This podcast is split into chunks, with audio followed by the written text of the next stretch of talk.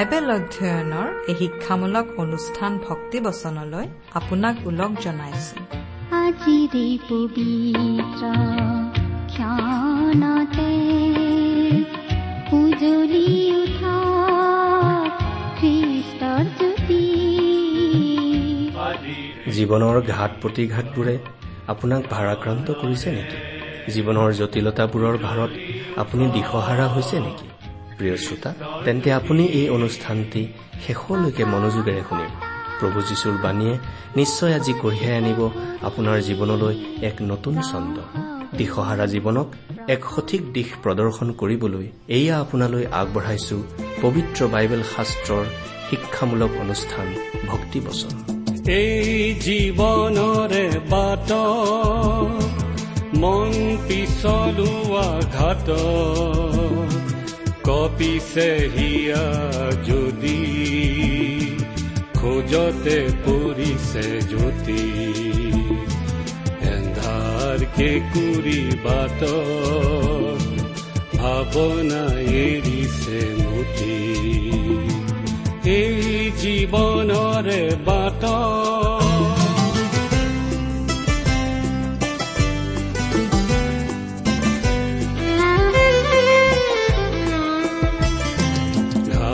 বিচাৰি তুমি হে যাত্ৰী খাইছা বাথুৰি ঘাটকে নিচিনি ভটিয়াই বুলিছা অপথক লোলা সাৱতী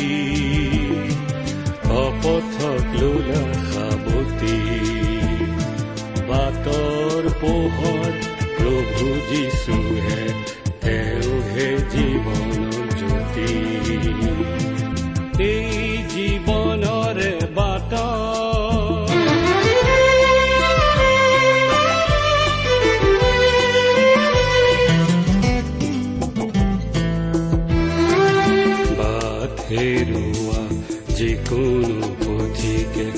যিচুতে নিজকে সপে। যিচুৰ বাক্যই বাট দেখুৱাই ঠিকনা ওচৰে চাপে। জটিল জীৱন শিথিল কৰি যদিহে যিচু দিয়া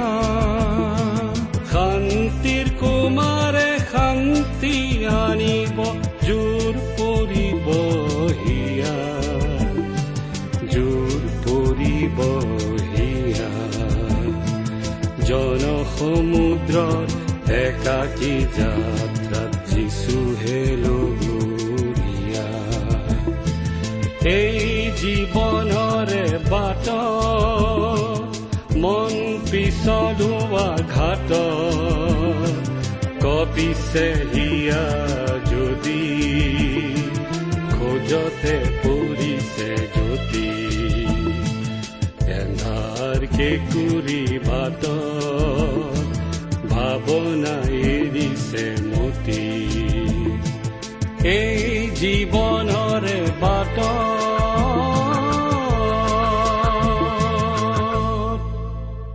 আমাৰ পৰম পবিত্ৰ প্ৰভু যীশুখ্ৰীষ্টৰ নামত নমস্কাৰ প্ৰিয় শ্ৰোতা। আশা কৰো আমাৰ পৰম পিতা পৰমেশ্বৰৰ মহান অনুগ্ৰহত আপুনি ভালে কুশলে আছে। লগতে এই বুলিও আশা কৰিছো যে আপুনি আমাৰ এই ভক্তিবচন অনুষ্ঠান নিয়মিতভাৱে শুনি আছে। এই ভক্তিবচন অনুষ্ঠান বাইবেল অধ্যয়নৰ অসমীয়া অনুষ্ঠান। এই অনুষ্ঠানৰ জৰিয়তে আমি বাইবেলখন ইমূৰৰ পৰা সিমূৰলৈ অধ্যয়ন কৰিম। আমি মাজে মাজে পুৰণি নিয়ম আৰু মাজে মাজে নতুন নিয়মৰ পৰা এখন এখনকৈ পুস্তক লৈ যিমান পাৰো সহজ সৰলভাৱে আমাৰ অধ্যয়ন চলাই আছো। ইতিমধ্যে আমি বহুদূৰ আগবাঢ়ি আহিলো। প্ৰিয় শ্ৰোতা আমি মুখামুখিকৈ লগ নাপালেও আমাৰ বাৰু চিনাকি চিনাকি যেন নালাগেনে? আচলতে এই অনুষ্ঠান শুনি থকা কাৰণে আপোনালোকৰ লগত আমাৰ সন্মুখা সন্মুখী চিনাকি নহলেও আমাৰ এটা বিশেষ ধৰণৰ চিনাকি হৈ উঠাৰ নিচিনা হৈছে। আচলতে আমি পৰস্পৰে পৰস্পৰক কেতিয়াও দেখা পোৱাৰ সুবিধা হয়তো নঘটিবও পাৰে। ঈশ্বৰে তেনেকুৱা সুবিধা জন্মাই দিবও পাৰে অৱশ্যে। কিন্তু এটা কথা হলে আমি অতি দৃঢ়ভাৱে ক'ব পাৰো যে এই পৃথিৱীত নহলেও সৰগত আমি কিন্তু ইজনে সিজনক লগ পামেই যদিহে আমি খ্ৰীষ্টত আশ্ৰয় লৈছো। প্ৰভু যীশুত আশ্ৰয় লোৱা সকলো লোকেই এনেদৰে দৃঢ়ভাৱে ক'ব পাৰে। ইমান দৃঢ়ভাৱে বাৰু তেওঁলোকে কেনেকৈ ক'ব পাৰে? এনেদৰে আমি ক'ব পাৰো প্ৰভু যীশুৱে কৰা প্ৰতিজ্ঞাৰ ভিত্তিত। প্ৰভু যীশুৱে যি কৈ গৈছে তাৰ লৰচৰ নহয়। তেওঁ নিজৰ প্ৰতিজ্ঞা ৰক্ষা কৰিবই। কিন্তু প্ৰভু যীশুৱেনো কি কৈছে সেই কথানো আমি ক'ত গম পাওঁ? বাইবেল শাস্ত্ৰত। বাইবেল শাস্ত্ৰ হৈছে ঈশ্বৰৰ বাক্য। ইয়াৰ লৰচৰ হোৱা নাই। আমাৰ এই ভক্তিবচন অনুষ্ঠানত আমি বাইবেলৰ যোগেদি ঈশ্বৰে আমাক কি কৈছে তাকেই চাবলৈ চেষ্টা কৰি আহিছো। এই অনুষ্ঠান সম্বন্ধে আপুনি বাৰু কি ভাবে? আপোনাৰ মতামত আমাক কেতিয়াবা জনাইছেনে? অনুগ্ৰহ কৰি আমালৈ দুষাৰিমান হলেও লিখি পঠিয়াবচোন। আহকচোন আজিৰ বাইবেল অধ্যয়ন আৰম্ভ কৰাৰ আগতে আমাৰ পৰম পিতা পৰমেশ্বৰৰ ওচৰত প্ৰাৰ্থনাত মূৰ্ণত কৰো হওক। আমাৰ স্বৰ্গত থকা অসীম দয়ালু পিতৃ ঈশ্বৰ তোমাক ধন্যবাদ দিওঁ কাৰণ তুমি আমাক এই বিশেষ সময় দান কৰিলা তোমাৰ মহান বাক্য বাইবেল শাস্ত্ৰ অধ্যয়ন কৰিবলৈ। তুমি সৰ্বশক্তিমান সৰ্বজ্ঞানী সৰ্বব্যাপী ঈশ্বৰ হৈও আমাৰ দৰে ক্ষুদ্ৰ নৰমনিচক যে কিয় প্ৰেম কৰা আমি বুজি নাপাওঁ। তুমি আমাক ইমানেই প্ৰেম কৰিলা যে আমাক নৰকৰ পৰা বচাবলৈ তোমাৰ একেজাত পুত্ৰ যীশুখ্ৰীষ্টকেই দান কৰিলা। তেওঁ ক্ৰুচত নিজৰ পবিত্ৰ তেজ বোৱাই আমাৰ পাপৰ প্ৰাচিত্য কৰিলে আৰু তৃতীয় দিনা কবৰৰ পৰা জি উঠি নিজৰ ঈশ্বৰত্বৰ প্ৰমাণ দিলে। আজি তেওঁত বিশ্বাস কৰি আমি আমাৰ সকলো পাপ অপৰাধৰ ক্ষমা লাভ কৰি তোমাৰ সন্তান হ'ব পৰা হৈছো। তাৰ বাবে তোমাক অশেষ ধন্যবাদ পিতা। এতিয়া আহা তোমাৰ মহান বাক্য বাইবেল শাস্ত্ৰ তুমিয়েই আমাক বুজাই দিয়া। আমাৰ প্ৰত্যেকৰে আগত তুমি নিজকে প্ৰকাশ কৰা। তোমাৰ মাত যেন আমি শুনিবলৈ পাওঁ তোমাৰ অনুগ্ৰহ আৰু প্ৰেমৰ সোৱাদ যেন আমি লাভ কৰিব পাৰো। আমাৰ এই অনুষ্ঠানৰ প্ৰতিজন শ্ৰোতাক তুমি বিশেষভাৱে আশীৰ্বাদ কৰা। তেওঁলোকৰ জীৱন তুমি সফল কৰি তোলা। এই ভক্তিবচন অনুষ্ঠান প্ৰস্তুত কৰা কামত জড়িত প্ৰতিজন ব্যক্তিক তুমি বিশেষভাৱে আশীৰ্বাদ কৰা। এই অনুষ্ঠানৰ আৰম্ভণিৰ পৰা শেষলৈকে তুমি আমাৰ লগত থাকি আমাক পৰিচালিত কৰা। কিয়নো এই প্ৰাৰ্থনা আমাৰ মহান ত্ৰাণকৰ্তা মৃত্যুঞ্জয় প্ৰভু যীশুখ্ৰীষ্টৰ নামত অৰ্পণ কৰিছো। প্ৰিয় শ্ৰোতা আমি বাৰু এতিয়া বাইবেলৰ কোনখিনি অংশৰ পৰা অধ্যয়ন চলাই আছো আপোনাৰ মনত আছেনে? আপুনি যদি আমাৰ এই অনুষ্ঠানৰ নিয়মীয়া শ্ৰোতা তেনেহলে আপোনাৰ নিশ্চয় মনত আছে যে আমি এতিয়া বাইবেলৰ নতুন নিয়ম খণ্ডৰ ইফিচিয়াবিলাকৰ প্ৰতি পত্ৰ নামৰ পুস্তকখন অধ্যয়ন কৰি আছো। যোৱা অনুষ্ঠানত আমি এই ইফিচিয়া পত্ৰৰ দুই নম্বৰ অধ্যায়ৰ তিনি নম্বৰ পদটো পঢ়ি তাৰ ভিত্তিতেই আলোচনা আগবঢ়াইছিলো। ইফিচিয়াবিলাকলৈ লিখা পত্ৰখনৰ এই দ্বিতীয় অধ্যায়ত পাচনি পৌলে সকলো বিশ্বাসী আৰু খ্ৰীষ্টীয় মণ্ডলীৰ অতীত বৰ্তমান আৰু ভৱিষ্যতৰ এটা বৰ্ণনা দিয়া আমি দেখিবলৈ পাওঁ। খ্ৰীষ্টীয় বিশ্বাসীসকলৰ অতীতৰ অৱস্থা কি আছিল বৰ্তমান কি আৰু ভৱিষ্যতে তেওঁলোকে কি অৱস্থা পাব তাৰ এটা আভাস ইয়াত আমাক দিয়া হৈছে। আমাৰ সমাজত এক শ্ৰেণীৰ মানুহ আছে যিসকলে ভৱিষ্যতৰ কথা জানিবলৈ জ্যোতিষী আদিৰ ওচৰলৈ যায়। ফুটপাথত বহি থকা জ্যোতিষীৰ ওচৰতো ভৱিষ্যতৰ বিষয়ে জানিবলৈ আগবাঢ়ি যোৱা অনেক লোক দেখা যায়। ফুটপাথত বহি থকা এনেকুৱা জ্যোতিষীৰ ওচৰলৈ ভৱিষ্যতৰ বিষয়ে জানিবলৈ গ'লে তেওঁলোকে সাধাৰণতে আমাৰ উজ্জ্বল ভৱিষ্যতৰ সপোনেই আমাক দেখুৱায়। আমাৰ ভৱিষ্যত অন্ধকাৰ বুলি কোৱাৰ সম্ভাৱনা খুবেই কম। কিছুমান ক্ষেত্ৰত জ্যোতিষীসকলে ক'ব আপোনাৰ গ্ৰহদোষ আছে গতিকে কিবা অমংগল ঘটাৰ সম্ভাৱনা আছে। সেই গ্ৰহদোষ নোহোৱা কৰিবলৈ কিছুমান ব্যৱস্থা ল'ব লাগিব। অৰ্থাৎ ভৱিষ্যত যেন ভাল কৰি ল'ব পৰা ক্ষমতা মানুহৰ নিজৰ হাততেই আছে আৰু সকলো সমস্যাৰ সমাধান যেন জ্যোতিষীসকলেই জানে। কিন্তু এটা কথা ভাবিলে হাঁহি উঠে। আনৰ ভৱিষ্যত সুন্দৰ কৰিবলৈ পৰামৰ্শ আগবঢ়াই থকা জ্যোতিষীজন কিন্তু ফুটপাথত বহি বহিয়েই বুঢ়া হৈ যাব পাৰে। নতুবা নানান অপায় অমংগলত সেই জ্যোতিষীজন নিজেই জুৰুলা হৈ থাকিব পাৰে। যীশুখ্ৰীষ্টত বিশ্বাস কৰা লোক এজনে আচলতে এনেকুৱা মানুহৰ ওচৰ কেতিয়াও চাপিব নালাগে। আচলতে ঈশ্বৰে আমাক আমাৰ অতীত আৰু বৰ্তমানৰ লগতে আমাৰ ভৱিষ্যতো জনাই দিছে। আচলতে যিসকল লোক অনিশ্চয়তাত ভোগে তেওঁলোকেহে ভৱিষ্যতৰ কথা জানিবলৈ বেছিকৈ চেষ্টা কৰে আৰু তেনেকুৱা লোকেই জ্যোতিষী আদিৰ শৰণাপন্ন হয়।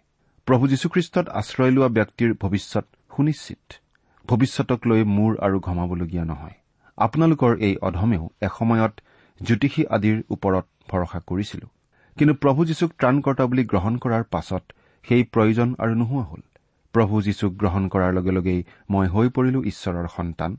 মোৰ ভৱিষ্যতৰ দায়িত্ব সম্পূৰ্ণৰূপে মোৰ পিতৃ ঈশ্বৰৰ।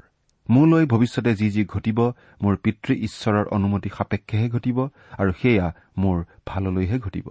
এই নিশ্চয়তা মই পালো প্ৰভু যীশুৰ বিশ্বাসী হিচাপে। তদুপৰি এদিন যে প্ৰভু যীশুৰ সৈতে সৰগত বাস কৰিবলৈ পাম সেই নিশ্চয়তাও লাভ কৰা হ'ল। প্ৰভু যীশুৱে কৰি থোৱা প্ৰতিজ্ঞাৰ আধাৰত। প্ৰভু যীশুৰ প্ৰতিজন বিশ্বাসীয়েই এই নিশ্চয়তা লাভ কৰিব পাৰে। সেই নিশ্চয়তা আপুনি বাৰু লাভ কৰিছেনে প্ৰিয় শ্ৰোতা আমি যোৱা অনুষ্ঠানত ইফিচিয়া পুস্তকৰ দুই নম্বৰ অধ্যায়ৰ তিনি নম্বৰ পদলৈকে চালো।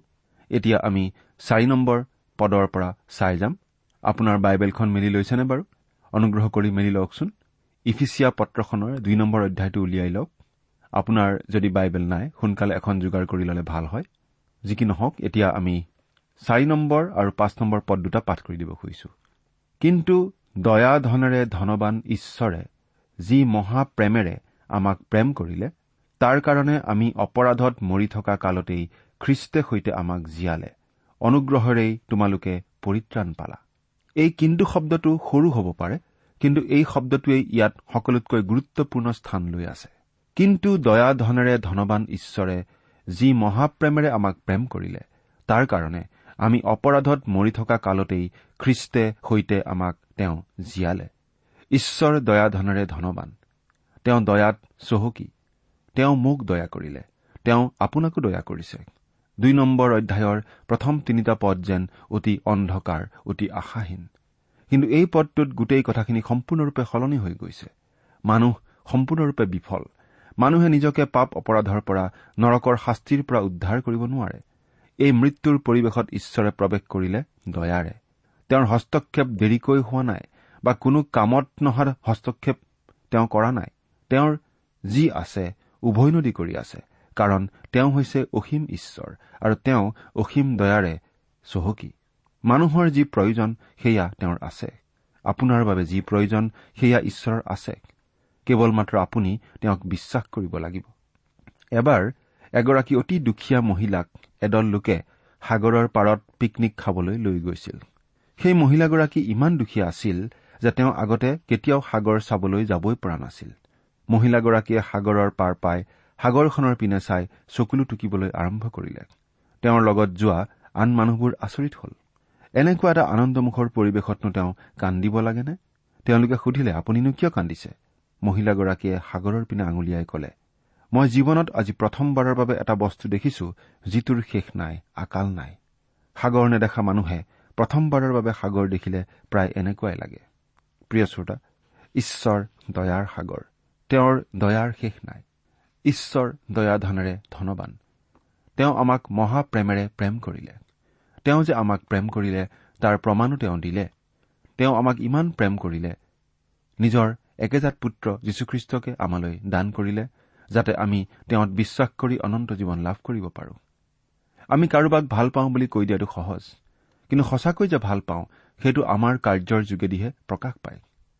ঈশ্বৰে আমাক মহাপ্ৰেমেৰে প্ৰেম কৰিলে। তেওঁ আমাক মহাপ্ৰেমেৰে প্ৰেম কৰিলে আৰু আমি পাপ অপৰাধত মৰি থকা অৱস্থাৰ পৰা আমাক জীয়ালে। প্ৰতিজন মানুহকেই ঈশ্বৰে সমানে প্ৰেম কৰে। প্ৰতিজন মানুহেই পাপ অপৰাধৰ পৰা মুক্তি পাই অনন্ত জীৱন লাভ কৰাটো ঈশ্বৰে বিচাৰে আৰু সেইবাবেই প্ৰভু যীশু জগতলৈ আহিছিল। পাচনি পৌলে কৈছে এসময়ত আমি পাপ অপৰাধত মৰি আছিলো। কিন্তু প্ৰেমময় ঈশ্বৰে আমাক জীয়ালে। প্ৰতিজন খ্ৰীষ্টীয় বিশ্বাসীৰ এয়েই কথা। ইফিচিয়া বিশ্বাসীসকলক পাচনি পৌলে এই কথাখিনি সোঁৱৰাই দিছে। অনুগ্ৰহেৰেই তোমালোকে পৰিত্ৰাণ পালা। আমি পৰিত্ৰাণ পালো ঈশ্বৰৰ অনুগ্ৰহত। ঈশ্বৰৰ অনুগ্ৰহত পৰিত্ৰাণ পোৱা মানেনো কি বাৰু? আমি আমাৰ পাপ অপৰাধত মৰি আছিলো আৰু নিজক পৰিত্ৰাণ কৰিব পৰা শক্তি আমাৰ নাছিল। সেই হতাশাজনক পৰিৱেশতেই প্ৰৱেশ ঘটিল ঈশ্বৰৰ আৰু ঈশ্বৰে প্ৰৱেশ কৰিলে অনুগ্ৰহেৰে। তেওঁ মানুহৰ প্ৰতি সহায়ৰ হাত আগবঢ়ালে অনুগ্ৰহেৰে। কিয় বাৰু? তাৰ কাৰণ আমাৰ মাজত নাই তাৰ কাৰণ তেওঁতেই আছে। অৰ্থাৎ আমি ভাল বুলি বা আমাৰ কিবা বিশেষ গুণ আছে বুলি নহয় কিন্তু ঈশ্বৰ অনুগ্ৰহশীল কাৰণেই আমাক উদ্ধাৰ কৰিবলৈ তেওঁ আগবাঢ়ি আহিল। ঈশ্বৰে ইছৰাইল জাতিক যেতিয়া উদ্ধাৰ কৰিবলৈ আহিছিল ইছৰাইল জাতিৰ লোকসকল ভাল কাৰণে নাইবা তেওঁৰ সেৱাত ব্যস্ত থকা কাৰণে নহয়। আচলতে ইছৰাইল জাতিৰ লোকসকল তাৰ বিপৰীত স্বভাৱৰহে আছিল। তেওঁলোক আছিল থৰডিঙীয়া। তেওঁলোক আছিল আন আন দেৱ দেৱীৰ পূজক। তেওঁলোকে অৰণ্যত সোণেৰে নিৰ্মিত গৰু এটাৰ আগতেই প্ৰণিপাত কৰিছিল। কিন্তু ঈশ্বৰে কৈছে যে তেওঁ তেওঁলোকৰ ক্ৰদন আৰু আৰ্তনাদলৈ কাণ দিলে। সেই ক্ৰদন তেওঁৰ কাণত পৰিল কিয়? কাৰণ তেওঁ তেওঁলোকক প্ৰেম কৰে। ঈশ্বৰে আপোনাক ভাল পায় মোকো ভাল পায়। কিন্তু ঈশ্বৰে আমাক প্ৰেম কৰিলেও তেওঁ আমাক প্ৰেমেৰে পৰিত্ৰাণ নিদিয়ে তেওঁ আমাক অনুগ্ৰহেৰেহে পৰিত্ৰাণ দিয়ে। অৰ্থাৎ তেওঁ আমাক ভাল পালে বুলিয়েই আমাক তেওঁ ক্ষমা কৰি দিব নোৱাৰে। কিন্তু তেওঁ অনুগ্ৰহ কৰিলে আৰু আমাৰ পাপৰ প্ৰাচিত্য কৰিবলৈ নিজৰ একেজাত পুত্ৰ যীশুখ্ৰীষ্টক জগতলৈ পঠালে আৰু তেওঁ আমাৰ হৈ আমাৰ পাপৰ শাস্তি নিজে ক্ৰুচত বহন কৰিলে যাতে আমি পৰিত্ৰাণ পাব পাৰোঁ। সেয়া ঈশ্বৰৰ মহান অনুগ্ৰহ।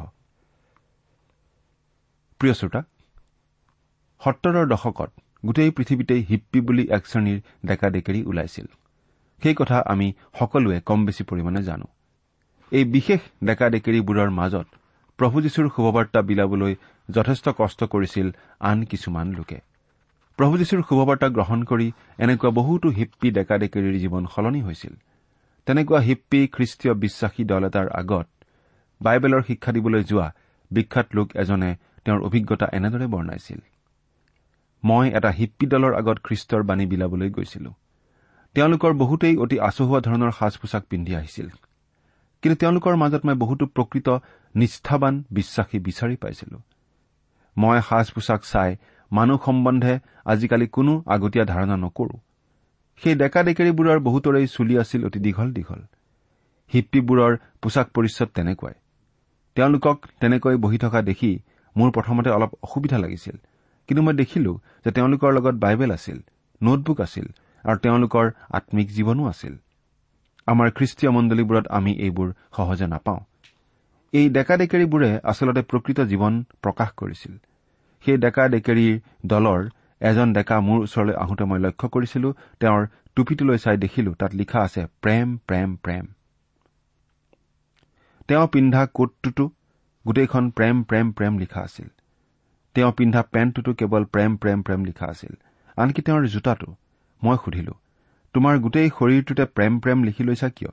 তেওঁ উত্তৰ দিলে ঈশ্বৰ প্ৰেম। মই কলো এৰা সেইটো সঁচা। তেতিয়া ডেকাজনে কলে ঈশ্বৰে আমাক প্ৰেমেৰে পৰিত্ৰাণ দিয়ে। মই উত্তৰ দিলো এই কথাটো কিন্তু মই মানি ল'ব নোৱাৰো। ঈশ্বৰে আমাক প্ৰেমেৰে পৰিত্ৰাণ নিদিয়ে।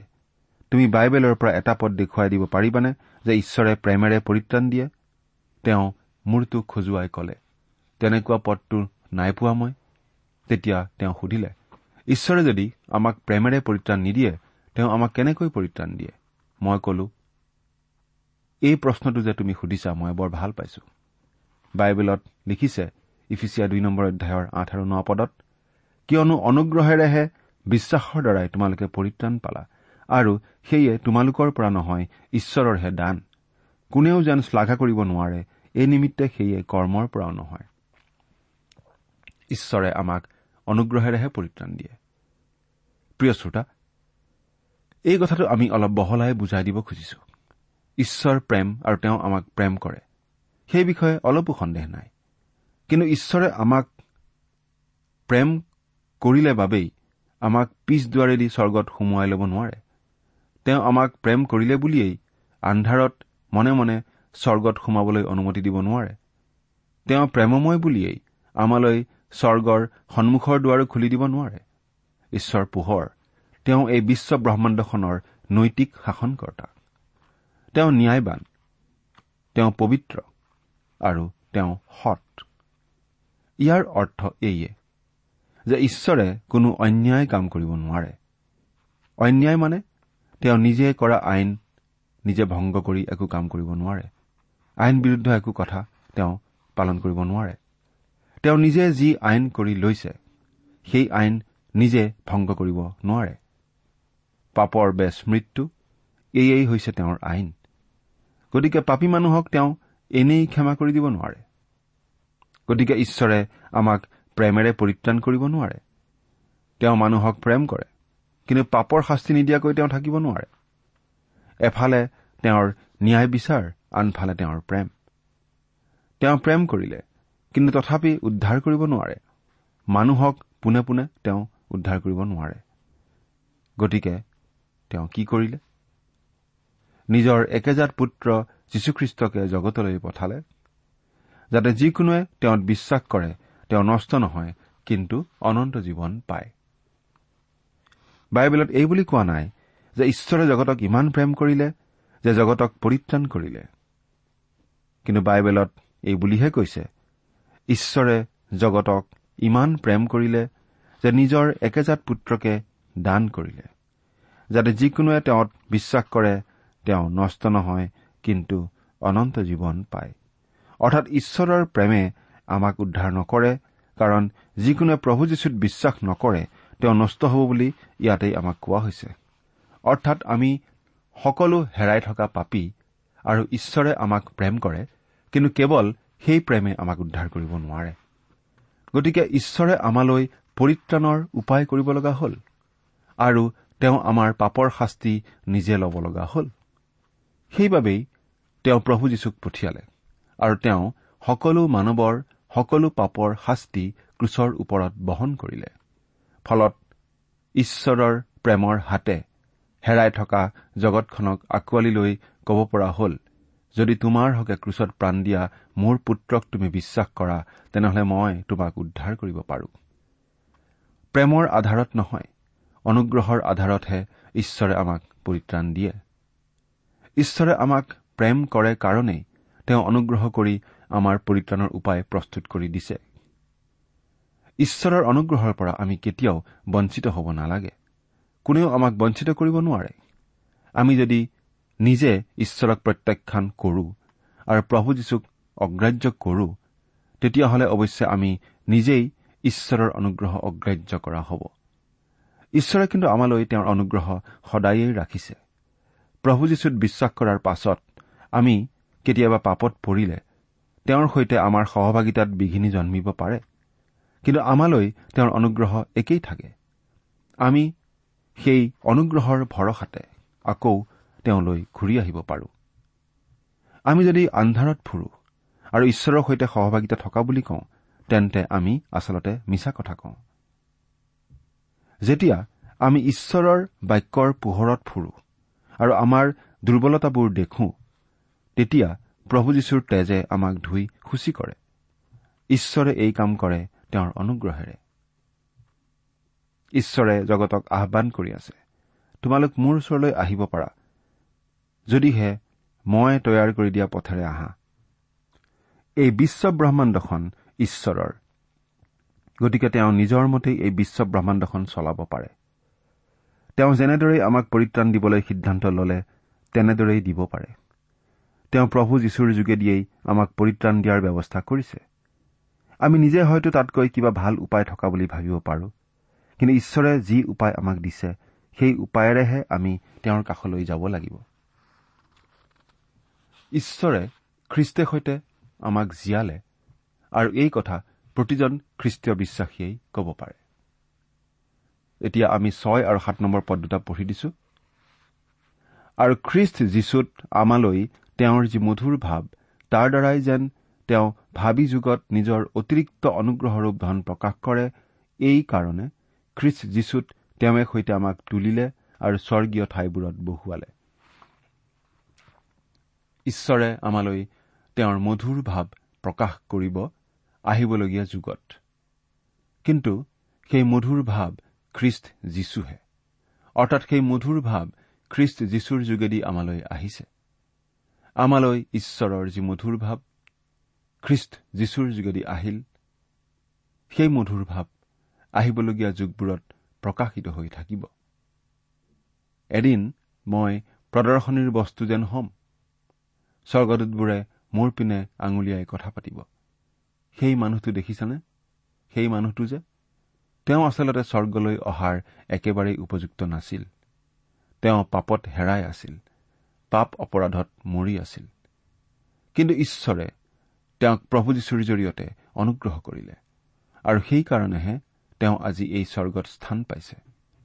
অৰ্থাৎ মোৰ যোগেদি ঈশ্বৰৰ গৌৰৱ হ'ব। প্ৰভু যীশুত বিশ্বাস কৰি স্বৰ্গত স্থান পোৱা প্ৰতিজন লোকৰ যোগেদি ঈশ্বৰৰ নাম প্ৰশংসিত হ'ব গৌৰৱান্বিত হ'ব অনন্তকাললৈ। তেওঁ যে অসীম অনুগ্ৰহশীল সেই কথা বাৰে বাৰে স্বীকাৰ কৰিব সকলোৱে। সেইবাবেই ঈশ্বৰে অনুগ্ৰহ কৰি আমাক খ্ৰীষ্ট যীশুত জীয়ালে আৰু খ্ৰীষ্ট যীশুৰ সৈতে স্বৰ্গীয় ঠাইবোৰত আমাক বহুৱালে যাতে তেওঁৰ অনুগ্ৰহ তেওঁৰ কৰুণা অনন্ত যুগলৈকে প্ৰকাশিত হয়। মই যেতিয়া স্বৰ্গত স্থান পাম তেতিয়া কোনেও নকয় যে মই ভাল কাৰণে স্বৰ্গত স্থান পালো। কিন্তু ঈশ্বৰ যে কিমান অনুগ্ৰহশীল যে তেওঁ মোৰ নিচিনা পাপীকো খ্ৰীষ্টত গ্ৰহণ কৰিছে সেই কথাটোহে প্ৰকাশ পাব। গতিকে মই নিজে কোনো প্ৰশংসা লাভ নকৰো। সকলো গৌৰৱ সকলো মহিমা হ'ব ঈশ্বৰৰ। স্বৰ্গদূতবোৰে ঈশ্বৰৰ প্ৰশংসাৰ গীত গাই থাকিব আৰু সেই সমবেত গীতত আন পৰিত্ৰাণ পোৱা লোকসকলৰ লগতে নিশ্চয় ময়ো যোগ দিব পাৰিম। প্ৰভু যীশুত বিশ্বাস স্থাপন কৰা প্ৰতিজন লোকেই এই উজ্জ্বল ভৱিষ্যতৰ কথা কল্পনা কৰিব পাৰে। এইবাবেই আমি গাওঁ কি আচৰিত দয়া প্ৰভুৰ অধমে পাওঁ মুক্তি। প্ৰিয় শ্ৰোতা স্বৰ্গত সেই সমবেত সংগীতত আপুনিও যোগ দিবনে বাৰু? এবাৰ কল্পনা কৰি চাওকচোন। ঈশ্বৰে আপোনাক আশীৰ্বাদ কৰক। প্ৰিয় শ্ৰোতা ইমান পৰে আপুনি বাইবেল শাস্ত্ৰৰ পৰা ঈশ্বৰৰ বাক্য শুনিলে। এই বিষয়ে আপোনাৰ মতামত জানিবলৈ পালে আমি নথৈ আনন্দিত হ'ম। আমি প্ৰস্তুত কৰা বাইবেল অধ্যয়নৰ চিডিসমূহ পাব বিচাৰিলে আৰু অনুষ্ঠানত প্ৰচাৰ কৰা কোনো কথা বুজিব লগা থাকিলেও আমালৈ লিখক। আমাৰ যোগাযোগৰ ঠিকনা ভক্তিবচন ট্ৰান্সৱৰ্ল্ড ৰেডিঅ' ইণ্ডিয়া ডাক বাকচ নম্বৰ সাত শূন্য গুৱাহাটী সাত আঠ এক শূন্য শূন্য ঠিকনাটো আকৌ এবাৰ কৈছো ভক্তিবচন ট্ৰান্সৱৰ্ল্ড ৰেডিঅ' ইণ্ডিয়া ডাক বাকচ নম্বৰ সাত শূন্য গুৱাহাটী সাত আঠ এক শূন্য শূন্য এক। সুকে কৰে হিয়া গধুৰ এই আত্মগ্লানিয়ে অশ্ৰুধাৰীৰে আনিছে চৰণলৈ। যিচুৰ হাইৰে মনৰ ভাৱনাবোৰ। আমাৰ ইমেইল এড্ৰেছটো হৈছে Assamese T TV at the rate radio' eight eight two dot com আমাৰ website W W W dot T W R dot in আপুনি টেলিফোনৰ মাধ্যমেৰেও আমাক যোগাযোগ কৰিব পাৰে বন্দী ভাৱৰ দাৰ খেলা প্ৰাণৰ চুপনি মিথ্যা ভৰসাৰ